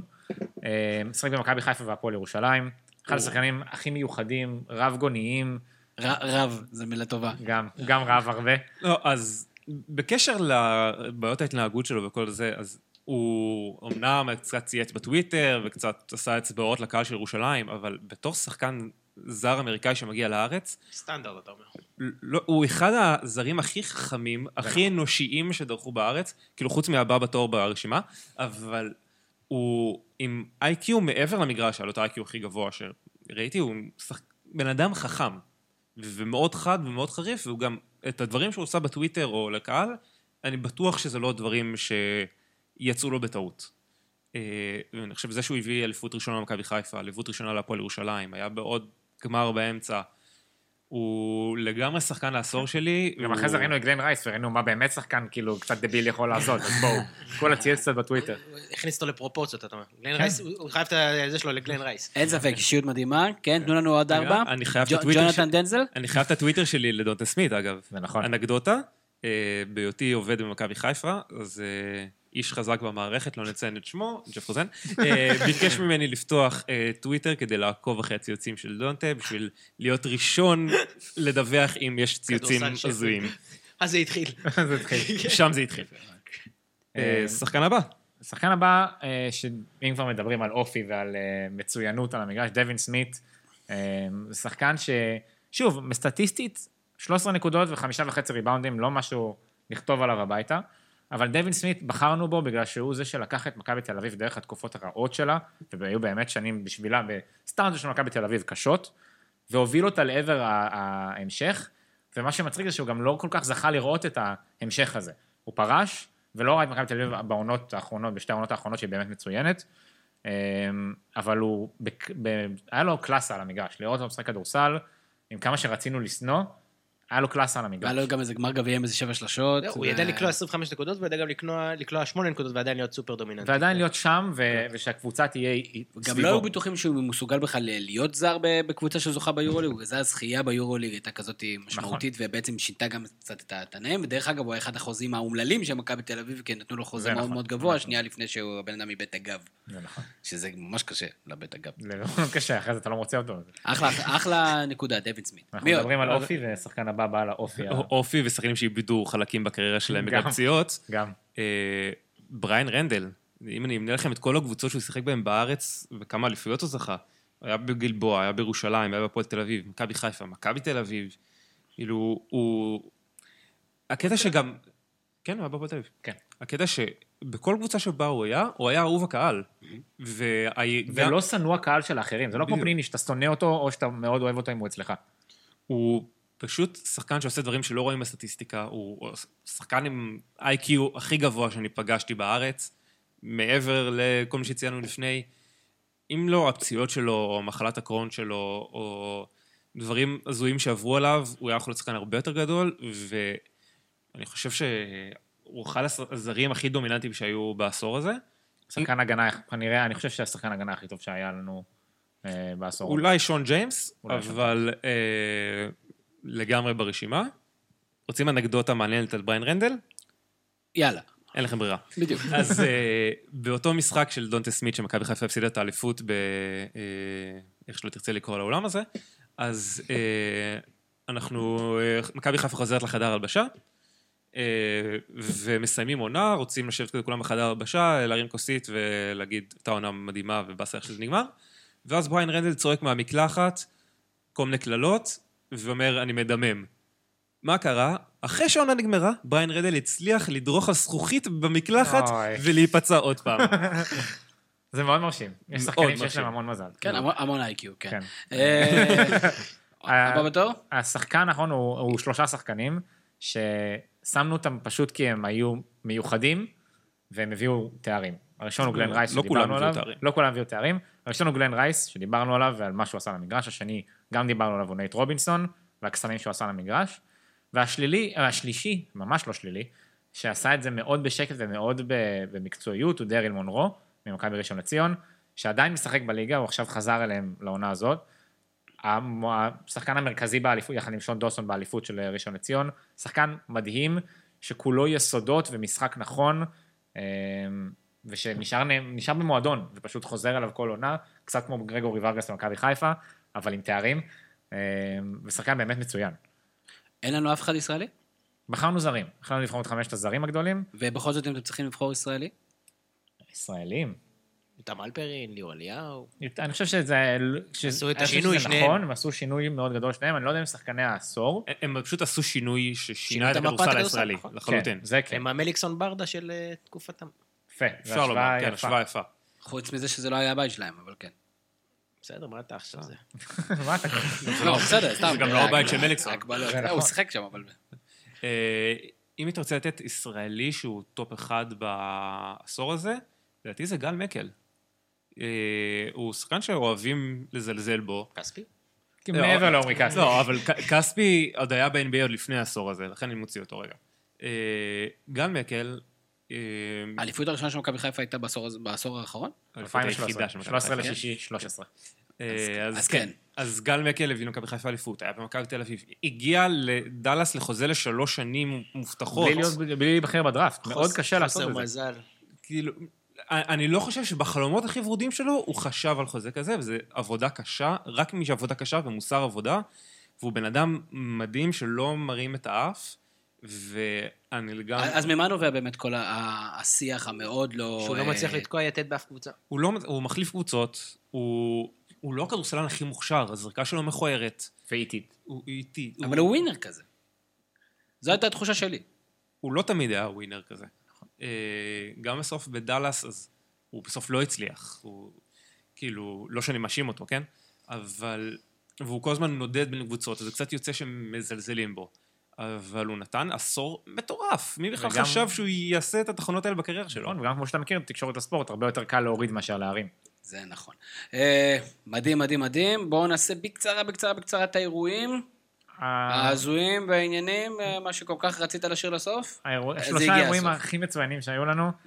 אמ, דבר ראשון הוא מירי רגב מניפת צלחות, לאורך שלוש שנים, פשוט כאילו, למה שחקנים יניפו צלחת אליפות, כשאפשר שהיא תניף? רצחת פעם? האליפות הראשונה של ירושלים. הראשונה של ירושלים, מירי רגב היא הניפה. פשוט התרגשה, אני לא יודע למה אתם קשים איתה. השנייה היא... אה, מירי רגב מדברת עם שון דוסון באנגלית. ומאוד מופתעת ששון דוסון, יליד הארץ וישראלי, יודע לדבר עברית. שבו, בסדר, זה קצת אה, מבלבל, היא הייתה צריכה לעשות היא את שיעורי שרת בית שלה. הספורט. כן, בסדר. יש את זה נכון. בשם של הטייטל, לא, זה. נכון. אם הייתה שרת התחבורה, סתם. סבבה. כן, בסדר. אה, והאחרון זה כמובן, שוב אנחנו חוזרים לנייט רובינסון, במפגש האלמותי שלו עם רז ניסים כהן באמצע רעיון לחמישיות. רז ניסים כהן שהוא גם דמות, קריקטורה של, אני לא כל כך יודע להסביר את זה, אבל בא באמצע פארק הירקון, בלי חולצה, כי אין לו חולצות בארון לרז ניסים כהן. אני חייב לציין אנקדוטה לגבי זה. ביום שנט רובינסון חתם בהפועל תל אביב, עבדכם הנאמן עשה פוטושופ ו... זה נכון. ודימה משחק של נט רובינסון מול רז ניסים כהן בספורטק. זה נכון, ואז צעקנו על כולם שאמרנו להם. אה, ובאמת, רז ניסים הפרק. שזה, שהראה בסימפסון, זה דונלד טראמפ נשיא לפני בדיוק. 20 שנה. בדיוק. אז רז ניסים כהן פשוט צועק על נייט רובינסון באמצע הזה, באמצע הרעיון. באמצע הרעיון, ואני אנצח אותך אחד על אחד, ונייט רובינסון פשוט לא יכול שלא לצחוק. זה זה אחד- אחד הראיונות, ה- ה- אחד הקטעים המצחיקים זה היה והוויראליים. ויראלי. בכל העולם, לא רק. בארץ. והאירוע החשוב ביותר התרחש ב-14 למרץ 2016. אתם לא יודעים מה קרה? אני בטוח שאתם תספרו לנו, בגלל זה הבאנו אתכם. זה האירוע הכי גדול של העשור. כן. של לא המאה. של הכדורסל בכלל. כדורסל שפל נפתחו.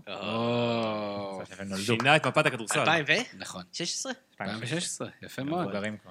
כן, כל הכבוד. אה, יפה מאוד, מדהים, מדהים, מדהים, מדהים. אה, בקצרה, בקצרה, בקצרה, כי אנחנו גם לא יודעים יותר מדי, ה-NBA חוזר. אולי. אה, לפחות כך טוענים. וזה הולך להיות במסגרת הבועה.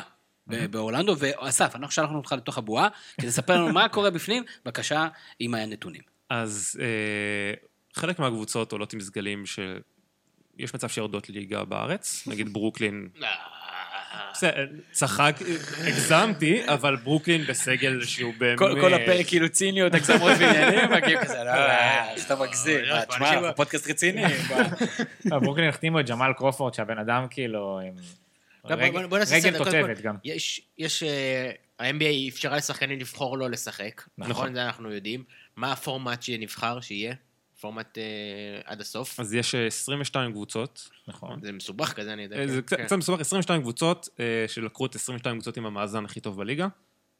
במקרה יצא להם טוב, כי זה יוצא שארבע קבוצות מכל אה, קונפרנס לא משחקות. 22 קבוצות? כן. כן. אז כל היתר סיימו? כל היתר. יעשו איזשהו הם מנסים לעשות טורניר חלופי. חשבתי שבמערב יותר קבוצות לא משחקות. אני חושב שזה ארבע וארבע. אוקיי. אה, שאר הקבוצות יעשו איזה אינטר טוטו באיפשהו כן. מקום אחר. שחקו עם אה, אלה מהבלקנית. בדיוק. בדיוק, כן, לא. עם גלבוע. כן. אה, ואז בעצם בסוף אה, יש כזה לוח משחקים מקוצר, ואז יהיה אה, עיקרון פלייאוף. והפלייאוף אה, ישוחק עם סדרות מלאות, אה, שהיה טוב כן, משבע? יש שמונה משחקים שקובעים דירוג עד סוף העונה. אה, עשו חישובים ב-NBA של, של כמות משחקים וכמה נשאר ומה הסבירות שיחליפו אה, מקומות ושאנשים יעלו במיקום, ואז חוזרים לפלייאוף רגיל, סדרות של שבע, אה, אבל מה שמעניין וכיפי זה שהפלייאוף לא יהיה של קונפרנסס, זאת אומרת זה לא יהיה מזרח נגד מזרח. אה, לא, סליחה. יש קבוצות מכל אמרתי, בואנה, הקונפרנסים. זה חדש לי. לא, יש קבוצות, סליחה, טעות שלי, יש קבוצות מכל הקונפרנסים. אז הפלייאוף יהיה רגיל לחלוטין, שבניגוד אלינו, שם יש מין כזאת תהייה, אם זאת תהיה אליפות עם כוכבית, אני לא חושב שתהיה כוכבית, להפך, הכוכבית תהיה אם זה ייגמר בכלל. שזה יותר קשה אפילו, כי יש הרבה שחקנים שבבידודים, הרבה מאוד בלאגנים. שום סיכוי שזה נגמר. אני לא אני, מאוד. אני גם מאוד בספק, אני מאוד מקווה שכן, כי בא לי לראות NBA, יש רבע. מיליון נדבקים בפלורידה. אין שום סיכוי. מהיכרותי עם השחקני כדורסל אמריקאים, הם לא ישמרו על הבידוד שהם אמורים לשמור. לא כל כך. חוץ מזה, זה לא רק הם, זה גם כל אנשי התחזוקה, כל אנשי המשק, כן לכל יוצאים קבוצה מותר וחוזרים. 55... כאילו, הם 55 כן יוצאים אנשים. וחוזרים כל הזמן. מצד שני, בידוד בדיסנילנד נשמע כיף, לא? עם 200 חודשיים הילדים שלך. וחצי. אם מאפרים אותך לא, כאנה ואלזה. זהו, אם אתה מגיע לסיבוב השני בפלייאוף, המשפחה הגרעינית שלך יכולה להגיע. אוקיי, יהיה מאוד מעניין. אה, טוב, יש עוד משהו על ה-NBA אגב? שהם רוצים להגיד מי לא, אנחנו תיקח? לא יודעים כלום. מי- תיקח? מי שתזכה, מי תיקח, לדעתי, אה, הלייקרס. אני חושב שהלייקרס... באמת? או- אני. הייתי הולך עם הקליפרס. אני הולך עם הקליפרס. אני חושב. אני חושב הניקס, שלברון- הניקס, אנחנו- לברון- בא... אה. עם כל הכוכביות על הגב, לברון בא להרביץ. זה מצחיק, כי הוא יכתוב על הגב שלו ג'יימס, לא כמו כל מה שאר הסיפור הזה? השחקנים. ראיתי את זה אתמול, מה הסיפור הזה? ה-NBA אפשר לשחקנים לבחור מה לכתוב על הגב ביחס ל-Black Lives Matter, וכאילו... לא הבנתי את הקשר, הם- אבל כן, בסדר. לא, הם יכולים לתת הצהרות בגלל שזה חלק אה, מאוד אוקיי. חשוב שהיה בדיון, האם בכלל לחזור לשחק, שעכשיו כל כך מתעסקים בעניין הזה. אה, אז כחלק מזה ה-NBA אפשר לכתוב דברים, אז יש שחקנים שיכתבו I can't breathe, כל מיני דברים, ג'ורג' אה, פלויד, כל מיני דברים justice. כאלה. אמ, ולברון ג'יימס החליט לא לעשות את זה בגלל שה-NBA אישרו מספר דברים. הם לא אמרו, אתה יכול לכתוב כל מה שאתם רוצים, אלא יש מספר דברים.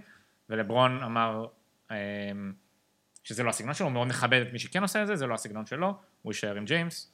אה, אמר, הכל. אני לא צריך סלוגן על הגב כדי שידעו את העמדה שלי. כן, יש לו קעקועים בשביל זה. זה נכון. למשל.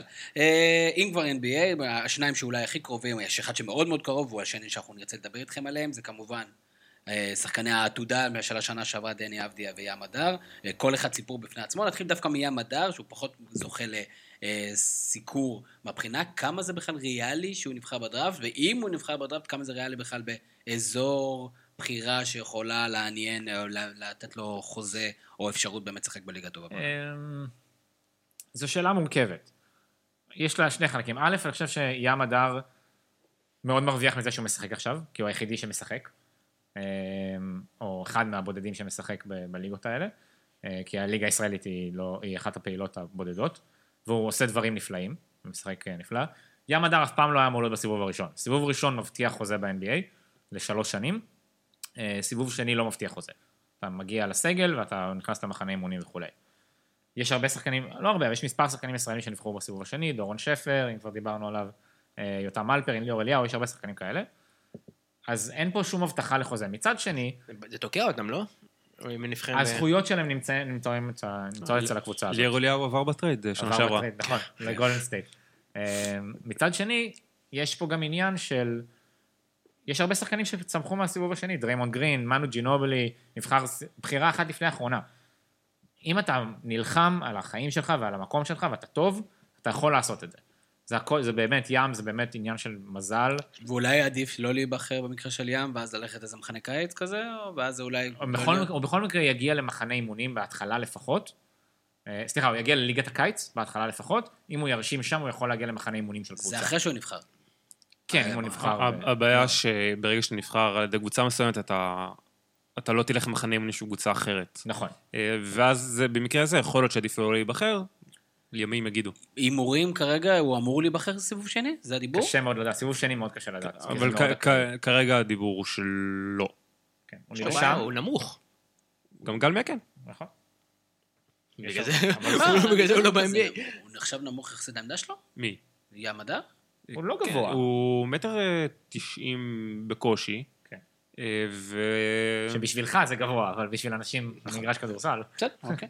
זו תשובה טובה. ודני אבדיה, שאנחנו לא יודעים עליו, אנחנו לא יודעים יותר מדי, אנחנו רק יודעים שלא מפסיקים לדבר עליו כל היום. תקשורת הספורט לדעתי מרוויחה לא, 90% מהקליקים. התחושה שלי, כאילו בכלל החזירו את. הליגה הישראלית רק בשביל דני אבדיה, בכלל הוא כל משחק... מיני פושים, פרסומים של ערוץ הוא הספורט. גם משחק כל המשחק, שזה, אני לא הבנתי את האינסנטיב של מכבי תל אביב בכל הסיפור הזה. כסף? גם- גם הוא, תכף נדבר, גם- הוא, אה, יש לו- הוא מגביר את הסיפור שלו להיפצע, כאילו משהו איבד מהספורטיביות שם כאילו, אצל דני אבדיה, למה הוא משחק כל המשחק? למה מדברים רק על הנתונים שלו? מה מה קורה שם? אז אה, למה מדברים רק על הנתונים שלו? שאלה מורכבת על עיתונות הספורט. אה, אבל אה, יש כמה יתרונות בזה שהוא משחק וזה שהוא מקבל חשיפה. הוא... הוא יכול לפגוע גם, כרגע הוא בשיא של השיא שלו, הוא יכול גם אה, לא לקלוע שש אני לא נקודות כל חושב שהוא משחק. בשיא של השיא שלו. לא, בשיא של ההייפ התקשורתי, והוא יכול גם לקלוע עכשיו שש נקודות למשחק ולהוריד לא, מעצמו. אבל- הוא עושה דברים מדהימים. אבל גם אם הוא יקלע 6 נקודות למשחק, הוא עדיין יהיה בטופ 15. וזה שהוא עכשיו הוא משחק וקולע 18 נקודות למשחק או 20 נקודות למשחק, זה יכול להעלות אותו למעלה. ולמה למכבי תל אביב זה שווה? כי היא מקבלת כסף, ככל שהוא נבחר גבוה יותר, יקבל יותר כסף. כסף משמעותי. יש פה זאת אומרת, ארגזים. יש הבדל גדול אם הוא ייבחר 5 או 15? כן. עכשיו יש לי עוד? שאלה, אני ראיתי, דני אבדיה, כלומר, שוב, זה הכל משחק של פוטנציאל ו-what if, אבל היה איזה משחק לא מזמן, עכשיו שאחד הזרים הצעירים בליגה נתן לו דנק על הפרצוף. עשה, הדביק אותו לזה, ואני אומר, כן. כאילו, למה אותו שחקן שנתן לו דנק על הפרצוף, שעל פניו הוא נראה יותר אתלט, יותר חזק, יותר פוטנציאל, לא ייבחר בדראפט גבוה או ישחק ב-NBA, ודני אבדיה, שעוד לא עשה כלום, כן ייבחר בטופ 10. הדראפט- אה, לא, הדראפט אני לא יודע להגיד שדני פוטנציאל. אבדיה לא עשה כלום, כי כן. הוא כן בוא נגיד שהוא... פרוספקט אירופאי משמעותי מאוד, אחד יחסית הגדולים לגילו, שיצאו מאירופה. השאלה, אז אז זהו, זה הכל שאלה. השאלה אם מחפשים פרוספקטים או... כן, מחפשים פרוספקט. במיוחד בדראפט. כזה, הוא לא- הוא לא הטופ 20 באירופה כרגע. נכון. זה לא המטרה. המטרה. בדראפט היא לבחור שחקנים עם פוטנציאל, תמיד. עכשיו, נכון, הדירוג של דני גם נובע מזה שהדראפט השנה חלש מאוד. חלש משמעותית מדראפטים אחרים, אבל המטרה היא תמיד לבחור פרוספקטים. שחקנים שמגיעים ל... נדירים מאוד ה rookies שעושים כזה הבדל בליגה, בדרך כלל זה rookies אה, או מבוגרים יותר, שאחרי 3-4 שנים בקולג', או שהם באמת כוכבים כמו זיין לא וויליאמסון ו... הוא לא יהיה. דונצ'יץ', אנחנו צריכים לחכות לפחות עוד שנתיים, שלוש, עד שהוא ייתן- יניב פירות, אם בכלל. דונצ'יץ' היה MVP של היורוליג ו-MVP של נכון, אליפות נכון. אירופה. נכון, אני אומר. זה משוגע. הוא לא דונצ'יץ', הוא לא לא. רוביו. הוא צריך לתת לו את השנתיים, שלוש, לו... נכון. להכפיל את עצמו בגוף. דרך אגב, גם רוביו לא... רוביו לקח היה- לו כמה שנים. נכון, לא שנים. נתן לי אבל- בשנה הראשונה. אבל קח לדוגמה את אה, דרגן בנדר, הוא שנה-שנתיים הוא פורץ ב-NBA. גם אני. פורץ לאיזה בית יש- אולי. יש הבדל עצום בין בנדר לבין אה, אבדיה. הוא בא באותו הייפ. למה? בנדר מה נבחר? רביעי, הוא בא באותו הייפ. למה. יש הבדל? אותו- דיבור. בדיוק היה סביבם. כן. היה זה. אבל ראית מה הוא עשה במכבי, בנדר, הוא לא עשה כלום במכבי. הוא רק כי היה הוא לא קיבל ל- 40 דקות לשוטר. למשחק. גם כשהוא קיבל ברמת גן 40 דקות למשחק כן. בליגה הלאומית, הוא לא עשה כלום אם ראית כמעט. אותו משחק בארץ, ידעת שזה בלוף, הבחירה הרביעית הזאת, מה שזה שיפה בלוף בעבדיה מוחלט. שהוא עבד על הגוף שלו בצורה מטורפת בקורונה, וגם את הקליעה, ראיתי איזה סשן. קליעות הזוי שלו. אז זה, החשיפה הזאת שהוא מקבל, א', ההתנפחות המשוגעת הזאת שהוא עשה, שהיא מאוד מרשימה, שלא משפיע לו על הזריקה. שלא השפיע לו על הזריקה, הוא עדיין שחקן הגנתי סבבה לגמרי, רואים אותו לוקח דברים על הכתפיים שלו, בקבוצה אירופית מכובדת, בסוף זה מרים את ההייפ. אני מסכים שלא צריך, לא צריך לשחק 40 דקות למשחק, אבל הוא לא צריך עכשיו להחביא אותו מחשש שייפצע, בגלל שאתה חייב לקחת סיכונים. אם עכשיו הייתה עונה רגילה, הוא היה משחק. זה נשמע כאילו מאוד אנקדוטלי ומאוד נקודתי, אבל הדנק הזה שהוא קיבל על הפרצוף העביר לי כמה כאילו, יש לו עוד פער, שוב, פשוט... לא, אבל זה גם כן, זה קצת אתה אתה עושה קצת גלוריפיקציה לזה. הוא מישהו, הוא בכלל עמד מתחת עזוב את ומישהו המקרה הגיע הספציפי הזה, אני. אומר, יש לו אני עוד דווקא הרבה... חושב שיזכרו הרבה יותר את הדנק שהוא עשה לדתום בפרצוף. אה. יש פוסטרים ב-NBA כל משחק, קווין לאב אין מה כמעט לעשות. קיבל את דנק השנה בעולם על הראש שלו, אה, הש- מג'ה מורנט. דברים קורים, בסוף לקבל דנק זה חלק מהמשחק. להפך, זה שהוא לא מתחבא ובורח הצידה כדי שלא יראו אותו חוטף דנק במרכאות, זה קצת יותר מרשים. אתה עומד שם, אתה סופג את זה, אתה קופץ לבלוק ול- הוא פוטנציאל ולמנוע את מאוד מאוד הזריקה. מרשים, ונקווה כן. שיהיה לו, שתבחר או- אותו קבוצה- קבוצה הגיונית, כי זה זה גולדן 80 אחוז סטייט, נגיד מהסיפור. סן אנטוניו כזה, זה תענוג. כן. אבל- אבל אני כן רוצה לומר שזה שהוא מקבל עכשיו כל כך הרבה דקות בליגה שהיא משוחקת כל יומיים שלושה, וזה שהתקופת הכנה הייתה קצת מוזרה, זה די מסכן אותו, זה what if מאוד גדול, הוא יכול. הוא יכול עוד יומיים לשבור רגל ולא להיבחר בדראפט. אין ספק. אה, אז אני, אני בכלל... היית לא- חושב שהוא לא צריך לשחק? אני עכשיו חושב שהוא לא. כן צריך לשחק. עכשיו לא, שהוא לא, בפיק, עכשיו שהוא בפיק שלו? אני חושב שהוא אני כן, לא מסכים, אני מסכים חייב שהוא. צריך לשחק, אבל הוא יכול לעצור ב-20-25 דקות למשחק ולא. לקרוע את עצמו אבל הוא כל חייב לשחק יומיים. וחייב, גם בשבילו, בסוף, שחקנים כאלה, גם בקולג'ים, לוקחים את ההימורים האלה כל הזמן ומשחקים. הסוכן שלו צריך. לדעת, הם צריכים להרגיש פחות או יותר באיפה הוא בדראפט, אם הוא בטופ 15, ב estimates הייתי עוצר. עכשיו, מה... 15 ב estimate זה בוודאות. אז מה זה הוא אבל? הוא לא- הוא לא מדובר על מיליוני דולרים בהבדלים. במה? לחוזה הראשון? בחוזה שלו. בסדר, אז בחוזה השני שלו הוא יהיה מיליונר. אם הוא יהיה שחקן NBA הוא לא- לגיטימי. ואם הוא ייפצע? אתה לא יכול לחזות עכשיו, לחזות... אם הוא ייפצע עכשיו, בוא נגיד זה הפסד הרבה יותר גרוע לא, הוא מאשר אם יכול, הוא ייפצע... הוא יכול ללכת לדראפט הבא. בסופו של דבר, שוב, זה מן הסתם מסוכן, אבל עכשיו, לחשוב, אתה יודע, עשר שנים קדימה על הקריירה שלך, דבר ראשון בקריירה של ה-NBA זה להגיע ל-NBA. כמה שיותר גבוה, נכון, יותר זה אני אומר, טוב. אני אומר, הוא כבר שם, הוא לא. צריך את המשחקים האלה בשביל להגיע, הוא לא, כבר לא שם. טופ 15 זה לא טופ 5 ולא טופ 10. עדיין, אם הוא יעשה פלייאוף טוב, פלוס אה, אפילו להיות משמעותי באיזה משחק אליפות כזה, לדעתי זה. יעשה גלים. אז מה יקרה? אז הוא יהיה טופ, אז הוא יהיה מספר אז 4 יכול במקום להיות. 7, מה זה משנה? זה כן, הבדל של וזה מיליוני. דולרים. ושל דקות משחק וציפיות וכולי, שזה גם עוד אחריות. וה reputation שלך. שחקן משמעית. שנבחר ארבע, טופ שלוש או טופ ארבע דרך בדראפט. אגב, הוא גם ספורטאי, אני מניח שהוא רוצה לקחת אליפות הכל בישראל, בסדר, ש- אבל- שהוא חלק ממנה. נכון, אבל הוא לא ייבחר טופ 3 או 4, אין מה לצפות לזה, אבל... לא יהיה ארבע? ההבדל בין... לא. האמת שאנחנו לא יודעים, עדיין לא היה את הלוטרי. אנחנו נכון. לא יודעים איזה קבוצות. אבל זה גם, יש פשוט, בגלל שעדיין באיזשהו מקום בארצות הברית יש שנאת זרים מסוימת, וצריך לוקה דונצ'י שנבחר רביעי, או סליחה, הוא נבחר חמישי, שזה הזיה מוחלטת, השחקן הכי מוכשר, לא, נבחר חמישי ועשו עליו טרייד. איזה לשלישי תפקיד הוא מיועד אה, לשחק ב-NBA? הוא לדעתי יהיה shooting guard. וואו. כן, shooting guard, הוא small forward זה מאוד גבולי, אה, הוא מספיק גבוה להיות shooting guard, יותר מזה הוא לא, כאילו, עמדות גבוהות יותר הוא לא בגובה. אה, שמע, זה גבולי, הוא צריך... טוב, אוקיי, בוא נראה, הלוואי. הלוקה נבחר שלישי והיה טרייד עם טריי יאנג, סליחה. אה, נבחר על ידי אטלנטה והיה טרייד. אבל בסופו של דבר, אה, מדברים פה על פוטנציאל, ואני לא מאמין שהוא יהיה שלישי רביעי, אבל ההבדל בין להיות שביעי, שמיני להיות 15-16 הוא עצום. אתה מאמין שיעשה קריירת NBA ארוכה? כן, אני מאמין שהוא יכול להיות שחקן פותח ב-NBA. אם, אם הוא יעשה את הדברים נכון, כספי, אגב, כספי היה שחקן פותח ב-NBA לא מעט זמן. קריירה מדהימה. וקריירה מדהימה של עשר שנים, דני אבדיה, אני הרבה יותר אבל עליו מדברים ברמת. אולסטאר. ועם מוסר עבודה, לא, זה מאוד לא, גם הדראפט הזה מאוד חלש, הוא לא יהיה אולסטאר, אני אהיה מאוד מופתע אם הוא יהיה אולסטאר. הוא א', עם מוסר עבודה מאוד גבוה. אני חושב שמה שמרשים, במיוחד בנבחרות עתודה וכולי, רואים ילד מאוד נחמד ומאוד רגוע ומאוד סבבה, ולא עכשיו שעפה לו יכול להיות הצלחה לראש. אה, קצת bad guy. כן, אבל לא עפה לו הצלחה לראש, ואתה הוא יודע... נתן והוא כמה מבטים וזלזולים ליריבים שלו. ככה צריך, ליריבים שלו. אבל לא לחברי קבוצה שלו, של אני עכשיו הולך להיות כוכב. הוא גם היה בכל מיני טורנירים כאלה של NBA, קרוס דובורד NBA. והכל, הוא היה פעמיים איזה MVP כזה באיזה נכון. שנתיים ברצף, זאת אומרת, הוא גם בחן את עצמו מול השחקנים האלה בגילאים שלו, ואפילו... מול אה, גיל שונים. שלו. הוא והוא בולט מאוד. אני, קופץ כאילו קצת קדימה, אבל אני מוכן להמר על זה, שאם הוא עושה את הדברים נכון וטפו טפו לא ייפצע, הוא יכול להיות שחקן פותח ב-NBA. זה גם מצחיק, אבל יש כאילו כול- לכולם בתודעה, אה, יש לו מזל שרואים את דונצ'יץ' ומשליכים את זה אבל זה יכול אוטומטית לעשות עליו. לו עוול, כי דונצ'יץ' שחקן שונה מאוד. בסדר, דונצ'יץ' זה לא של משנה. אבל הוא הוא הוא עכשיו. האירופאי הפרוספקט הבכיר ב- ב- באירופה, יש דונטיץ', משליכים את זה. גם לא הפורטבקט האירופאי הבכיר, יש עוד שני שחקנים צרפתים. יש איזה אחד גבוה מאוד. אה, כן, יש את קיליאן הייס, שהוא צרפתי שאמור להיבחר לפניו, מקום רביעי, חמישי יותר סביר, אה, שגם ה- הסקאוטים קצת יותר מתלהבים ממנו, כי דני, אה, רק עכשיו רואים את הכלייה שלו באמת, כי הוא לא זרק כל כך הרבה לפני זה, ומהעונשין הוא עדיין קצת אה, אבל אה, יש איזה משהו וייס או משהו, לא? פרדק וייס הוא, וינס קארטר גמר לו את הקריירה, כי הוא קפץ מעליו. ו- ופרש. זה לא, זכור לי איזה מישהו. שאלות גולשים, אה, יואב ניר שאל אה, מה המצב אה, בליגות הנמוכות. גם מבחינת משחקים וסיום העונה הנוכחית, גם מבחינת זרים, החתמות, אז יש- זה זה קורה? זה הליגות קורה? הליגות אה, נעצרו, יש עניין מאוד מאוד מעניין בליגה לאומית, אה, מה קורה עם העולות, כי יש מין קרב בין האיגוד למינהלת עם שתי עולות עולה אחת, זה לא נסגר עדיין. זה גם לא ייסגר עד סוף מועד העברות. טוב. אה, אבל בעיקרון הפועל חיפה שסיימה שנייה מתנהגת כאילו היא עלתה ליגה, החתימה כבר שלושה זרים, החתימה מאמן. אה, עירוני רמת גן שסיימה ראשונה כבר הוכרה כקבוצה שעלתה ליגה, לא סליחה, לא. עירוני- להרצליה, רמת גן עלתה ללאומית, סליחה. נכון. אה, וגם עשתה החתמה סופר מרשימה השבוע, הביאה שחקן ממילאנו, כאילו, שהיה במילאנו בעשור הנוכחי. אין מילאנו יותר, בגלל זה. כן. אה, אבל יהיה לנו קיץ מאוד מעניין בגזרה הזאת של מה קורה עם הפועל חיפה והרצליה, ואם בכלל קבוצות בליגת העל ישרדו את הקיץ הזה.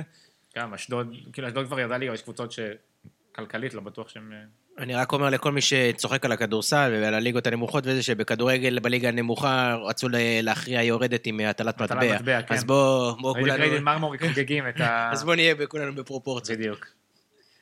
יפה מאוד. עם אה, הרבה רוק, אגב, פרופורציות. היו עוד נקודות ועוד אנשים שהעלו פה אה, כל מיני מקרים, אה, אז תודה רבה לכל מי שהגיב, כרגיל, לכדורסל שפל, לא נתנו לו להשחין מילה והשתלטו על הפודקאסט, ואנחנו סך הכל אוהבים את זה, זה בסדר.